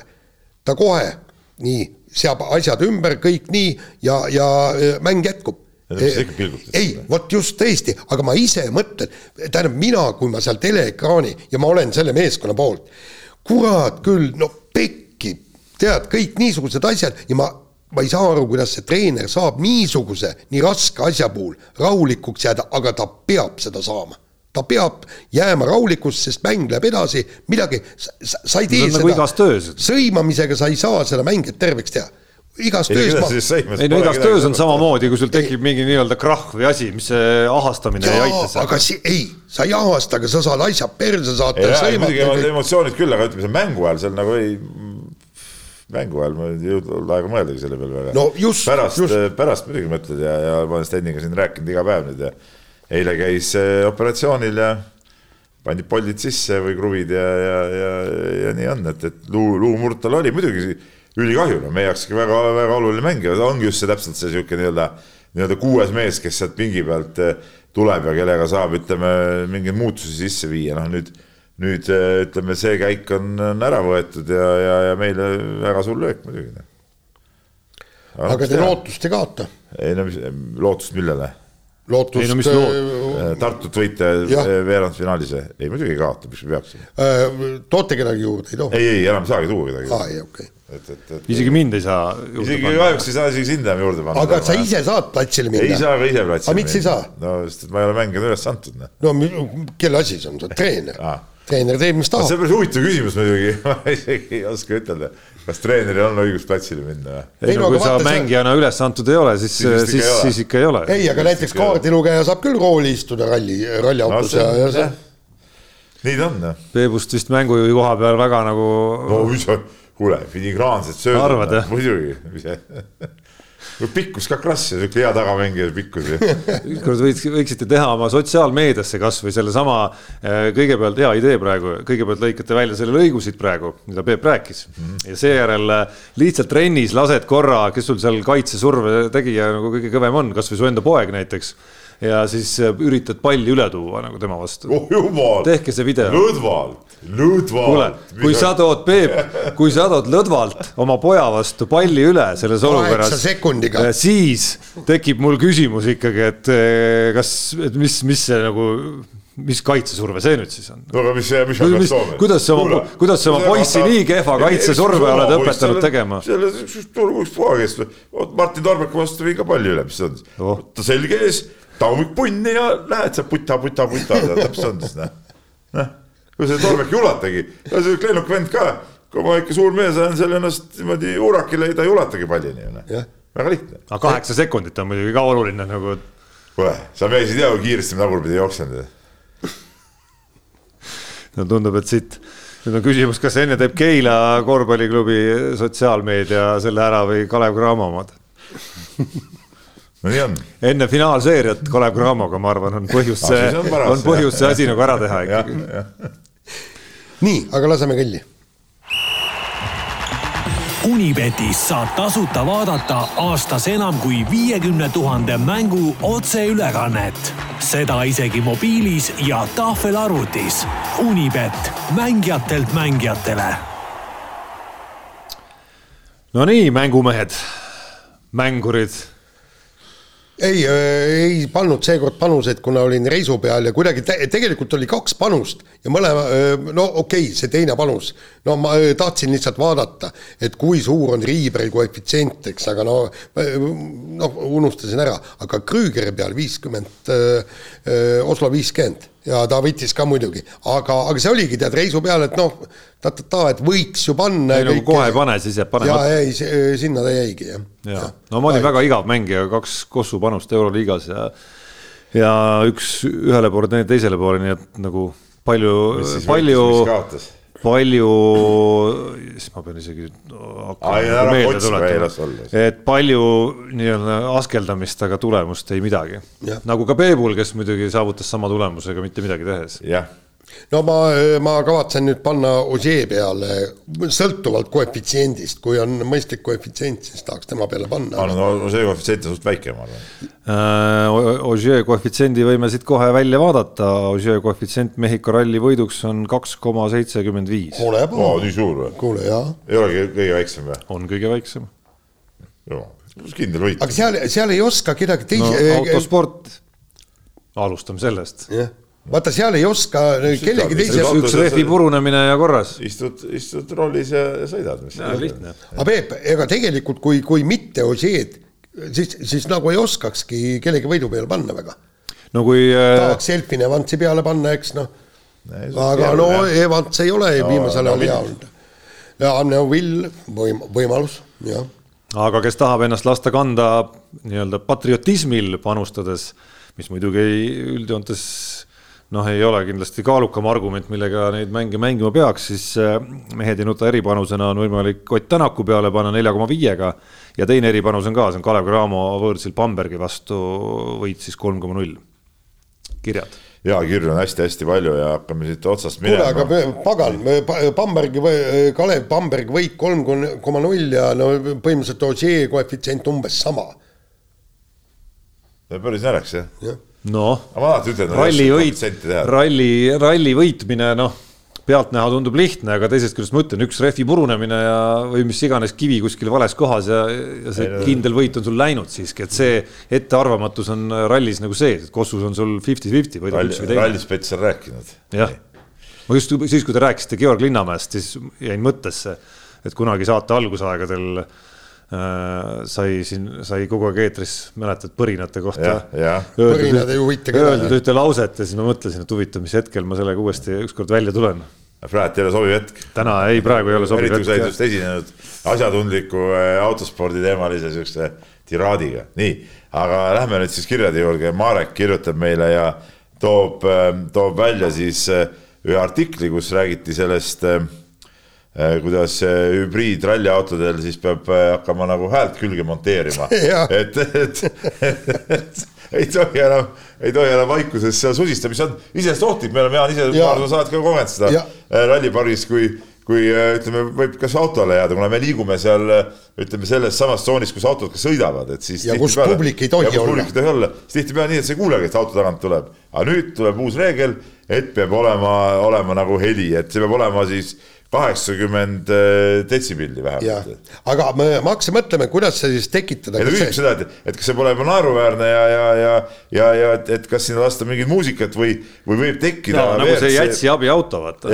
teate tek... küll, kas Vasalemmas ka vahel, vahel sõidab see ringi, Keilas kindlasti, Keilas kindlasti. ma olen siin Tallinnas näinud seda ja, ja et kas võib WRC promootoril tekkida nagu mõte hakata seal reklaame laskma selle heli asemel, mõtlesime siuke. ei, aga tegelikult seal, mina mõtlesin, seal on kaks võimalust. esimene võimalus on see, et mäletad, kui me panime selle filmirulli, panime fi,, filmi panime siis äh, pesulõksuga jalgratta külge, mäletad? me ei pannud filmirulli, me panime äh, selle papitükk, papitüki papitükk. meie panime filmi miskipärast ja teine, teine, jumal. plärin oli ah?. hea plärin oli rattaga. ja oli ja teine võimalus on see, et kõige lihtsam asi mehed, noh, aknad alla seal, et ja prõnn.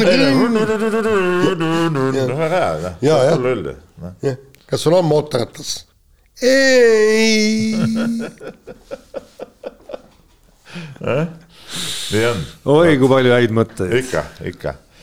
nii. kõik, kõik äh, regulaatorid üle maailma, küsige nõu, kuidas, kuidas lahendada mingeid asju. ikka, väga õige. Nii, Arno kirjutab meile, kirjutab nii, et tahan saatejuhti kiita. viimasel ajal on hoiak veerpalude suhtes olnud meeldiv ja keskendunud tänastele tegemistele. see tõe ärarääkimine oleks äh, mõistlik lõpetada.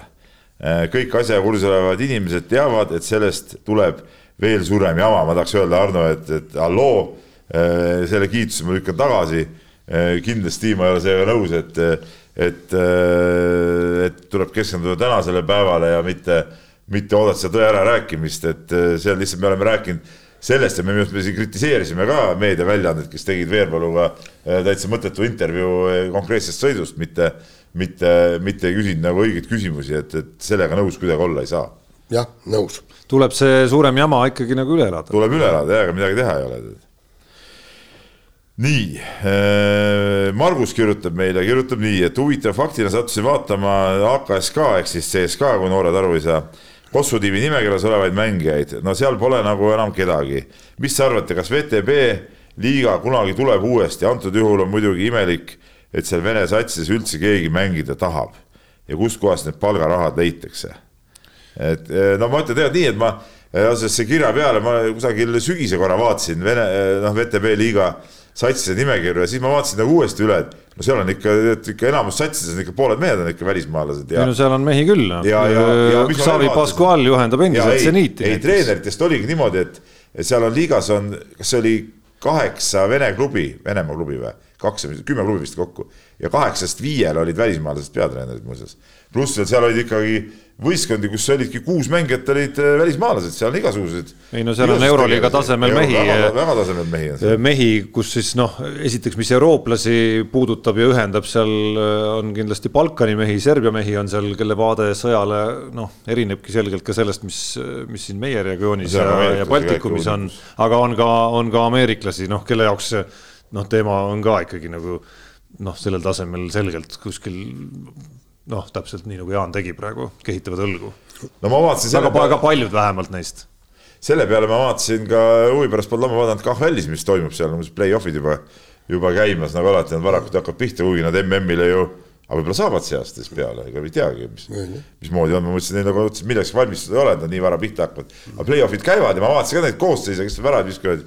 ikkagi ka ikkagi välismaalasi on on ka seal rootslasi ikkagi mängimas, ei ole, ei ole ainult äh, kolmandajärgulised ameeriklased või, või kanadalased, et, et äh, on, on seal nagu muid mehi ka ja, ja, ja täitsa mängivad ja mõned mehed, noh, keda mäletan sellest ajast ka, kui ma veel KHL-i tähelepanelikult ka jälgisin ütleme, ongi sinna jäänud ja, ja, ja mängivadki seal. aga no VTB liigat naasmas sellisel kujul, kus seal, ma ei tea, Eestist või Poolast või. ei, seda ma ei usu. ei, ei see... näe küll ausalt öeldes kuidagi, kui just ei sünni imemaailmas Venemaa pannakse paika, toimub mingi tohutu patukahetsus, restart. Äh, jaa, aga kas see liiga sellisena praegu enam käima nagu läheks, et võib-olla see nagu eeldaks jälle siukest natuke laiemat, et minna üksinda nüüd nagu Eestis lõpus oli, no lisaks ei, ei, äh, Valgevenele ja Kasahstanile, eks ole, kes siiamaani seal mängivad mõlemad. Äh, Kasahstan ka ju mängib seda siiamaani, eks ole, Astana võistkond. et, et see nagu vist praegult ei, ei läheks enam isegi siis, kui kui ütleme, Venemaal kõik asjad korda saaksid. no see lihtsalt see, no sel liigal ei oleks nagu võib-olla siukest nagu pointi nagu praegu. Noh.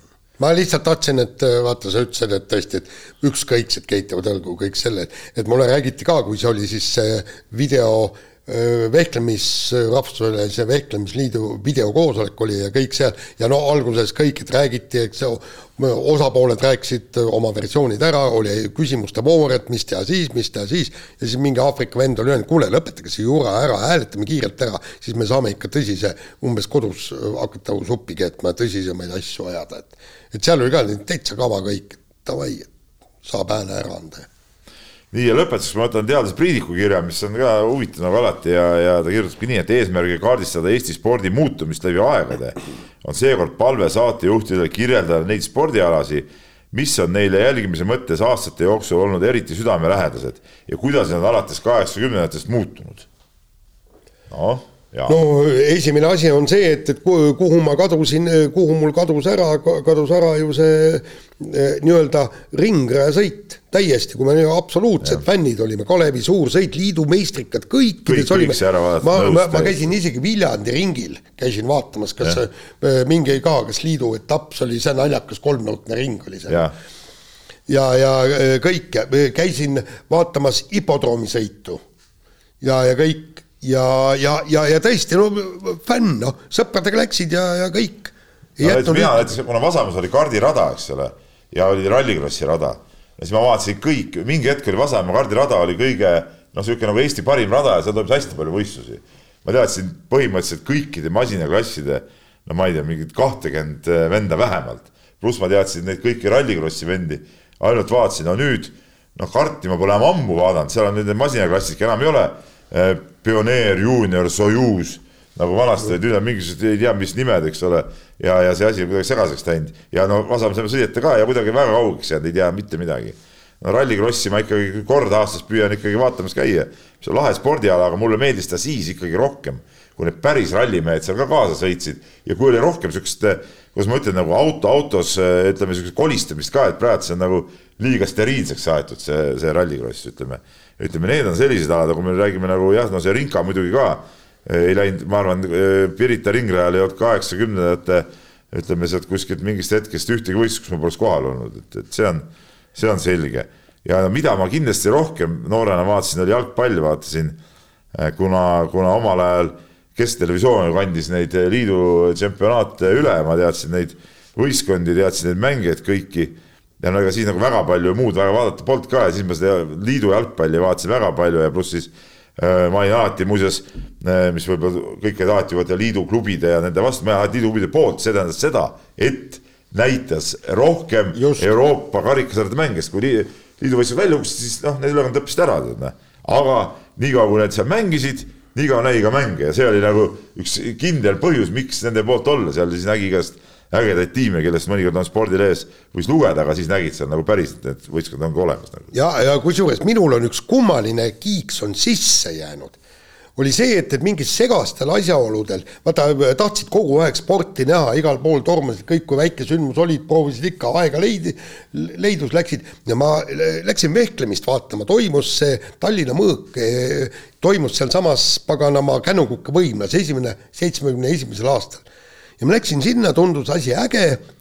Ja sealt pealt, sealt maalt hakkasin vehklemist jälgima. Ja kusjuures ma, ma olen käinud, ühesõnaga siis, kui ma ajakirjanik ei olnud, ikka käisid vot seda Tallinna mõõka käisid vaatamas, mingi, mingitel täiesti segastel asjaoludel. ja mis veel jalgpalli puutub, mul jutt pooleli, ma vaatasin ära loomulikult ka kõik KSMK spordimeeskonna kodumängud Konsumali staadionil, sellega ei olnud niimoodi, tavaliselt mängud on minu arust nagu pühapäeviti, mul on, mul on nagu meeles kuidagi vist olid pühapäeviti. ta oli ka nädala sees. võib-olla ikka, võib-olla ikka nädala sees, ma nii täpselt seda ei mäleta, aga no mul pidi rongiga tulema, eks ole, siis äh, oli väike taskuraha alati ja siis, et, et nagu osta ka mingid head ja paremat, siis äh, ma jalkale piletit, mingi aeg oli, kui ma piletit ei ostnud, seepärast et sealt tagant sealt läksid ringi sealt garaažide juurest, oli, sai nagu, äh, sai sealt aia vahelt sai nagu sisse. ja, ja, ja, ja siis oli, oli, oli sihuke, et, et aga, aga aga need spordimängud ma vaatasin ikkagi ka kõik ära. muidugi loomulikult ka Kalevi kossumängud, ütleme esiliigas, kui nad seal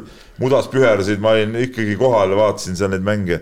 et, et neid noh, kossu muidugi vaatan praegu ka, aga noh, jalkat ma eelmine aasta käisin ühte Eesti liiga mängu käisin vaatamas, aga ma rohkem pole jõudnud. no just siit saaks ikka eraldi saate kokku täitsa, kui, kui mehed hakkavad oma lapsepõlve meenutama. ja, ja, ja, loom, ja loomulikult, ja loomulikult ma teadsin kõiki maailma parimaid iluuisutajaid, sest et ka seda näitas Kesktelevisioon, kõike teadsin. Äh, äh, neid sõitjaid, äh, kes, kus, mida, mis, mis kavad on kõik oli teada täpselt. ja, ja, ja ma vaatasin isegi Vene tšempionaati jääpallist, sellepärast et lihtsalt ja, no, oli pühapäev ja, ja, ja pühapäeva hommikul, kuna see mängiti kuskil Vladivostokis või mis, mis tead, ma ei mäleta, kuidas see oli, hommikul kell kümme istusid ja vaatasid, vaatasid lihtsalt jääpalli. ja, ja siis mu üks lemmiksaateid oligi vennaga koos vaatasime, Futbolne Abazreni oli siis see kord nädalas oli sihuke pooletunnine vist oli see saade mm. -hmm. ja ma mäletan seda, et mul, ega meil isa nagu ei olnud nagu mingi spordisõber, tema vaatas nagu toas siis, äh, vaatas mingit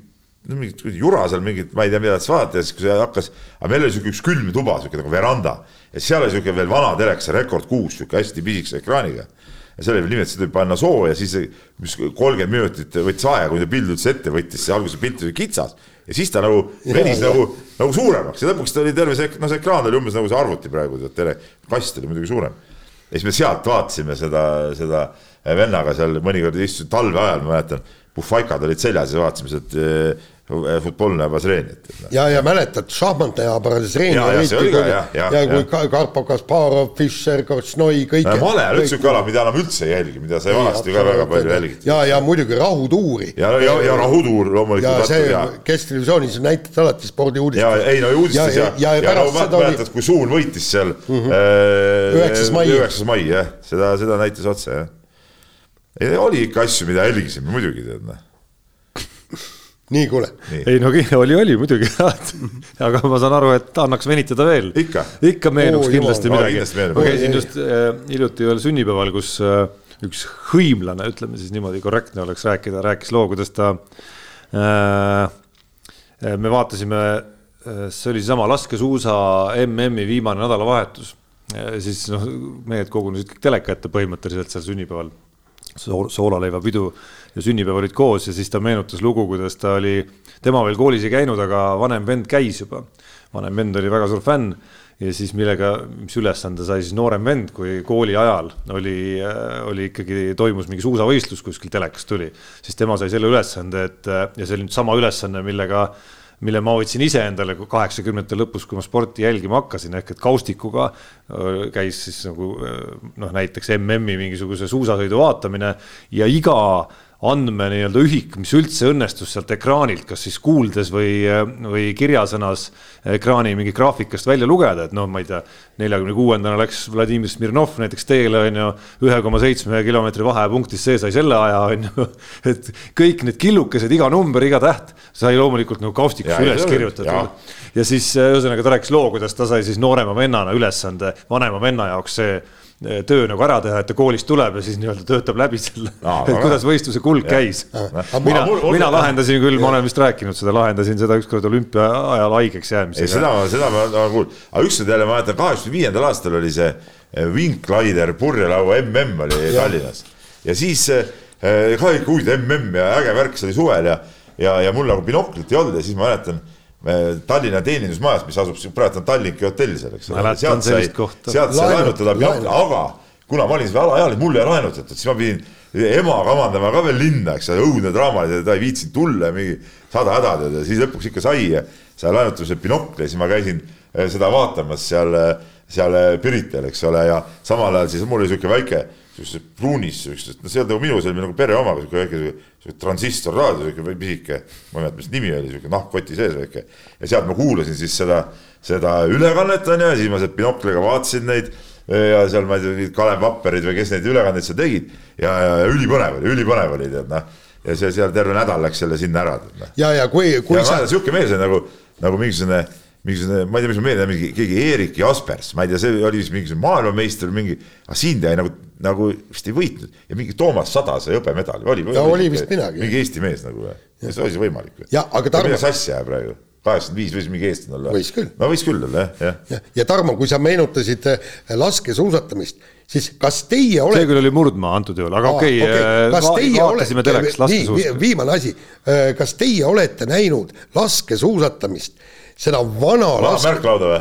jaa, kus on nagu ja. sellel nagu to, to, jah, jah, vürfil või nii ja, ja kusjuures tulistati sa, minu meelest saja meetri kauguselt ja suurekaliibrilisest vintpüssist aga see on niisugune detail ei mäleta, aga seda märklauda mäletan küll. ja, ja aga seal mina mäletan veel seda, kui olid vaata, märklaual olid need äh, tumedad ringid, mis olid äh, needsamad, mis äh, jahipüssi harjutuses, vaata, mis lendavad laiali, on eks. ja oli viis märki niimoodi panna ja lasidki, sa pidid seda märki tabama, siis see lendas laiali, siis sa olid järelikult pihta saanud, eks, ja niimoodi sa pidid need viis märki alla laskma ja, ja aga keegi pidi asendamas, mingid vennad seal tulejoones käisid, panid uued. ja, ja ei oligi nii jah, jah. see, seda, seda detaili laiali ma ei mäleta, aga seda, et see selline nelinurgas ja see üks täpp keskel, seda. ja Tarmo, Tarmo, Maailma Föderatsioon, millisesse föderatsiooni kuulus laskesuusatamine?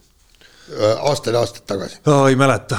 ei mäleta ma mäletan küll, et see oli mingi, Mood- mingi moodsa veider moodsa viievõistlusega koos. Täiesti absurdne. absurdne arusaadav, aga ei, nad olid mõlemad sõjalisportlikud mängud. on mängud. põuavälk põhimõtteliselt. laskmine ise siis ei olnud moodsa viievõistluse all. ei olnud Oli., oli või? oli, oli, püstoli laskmine laskmine oli ka ei no jah ma? Mõtlen jah. laskmise alaliit ka nagu. ei, ei ei, see laskmine oli eraldi alaliit. ja laskmisel eraldi jah, et no kus see loogika siis? no ei, seal ei olnudki, ei seal ei olnudki mingit loogikat. noh. jah et see oli nagu suvine, vabandust, talvine siis nagu moodne viievõistlus No, suusatamise ja laskmise ühendamine jah, jah, moodne kahevõistlus. mingi loogika on jah. jah. vot nii oi,, oi-oi, aga kell on nüüd kuule, aga sellega on saade läbi, meenutused läbi, me võiksime siit veel edasi panna, aga teeme nii, et, et kuulake ja vaadake meid järgmine kord. mehed ei nuta. saate tõi sinuni Unibet, mängijatelt mängijatele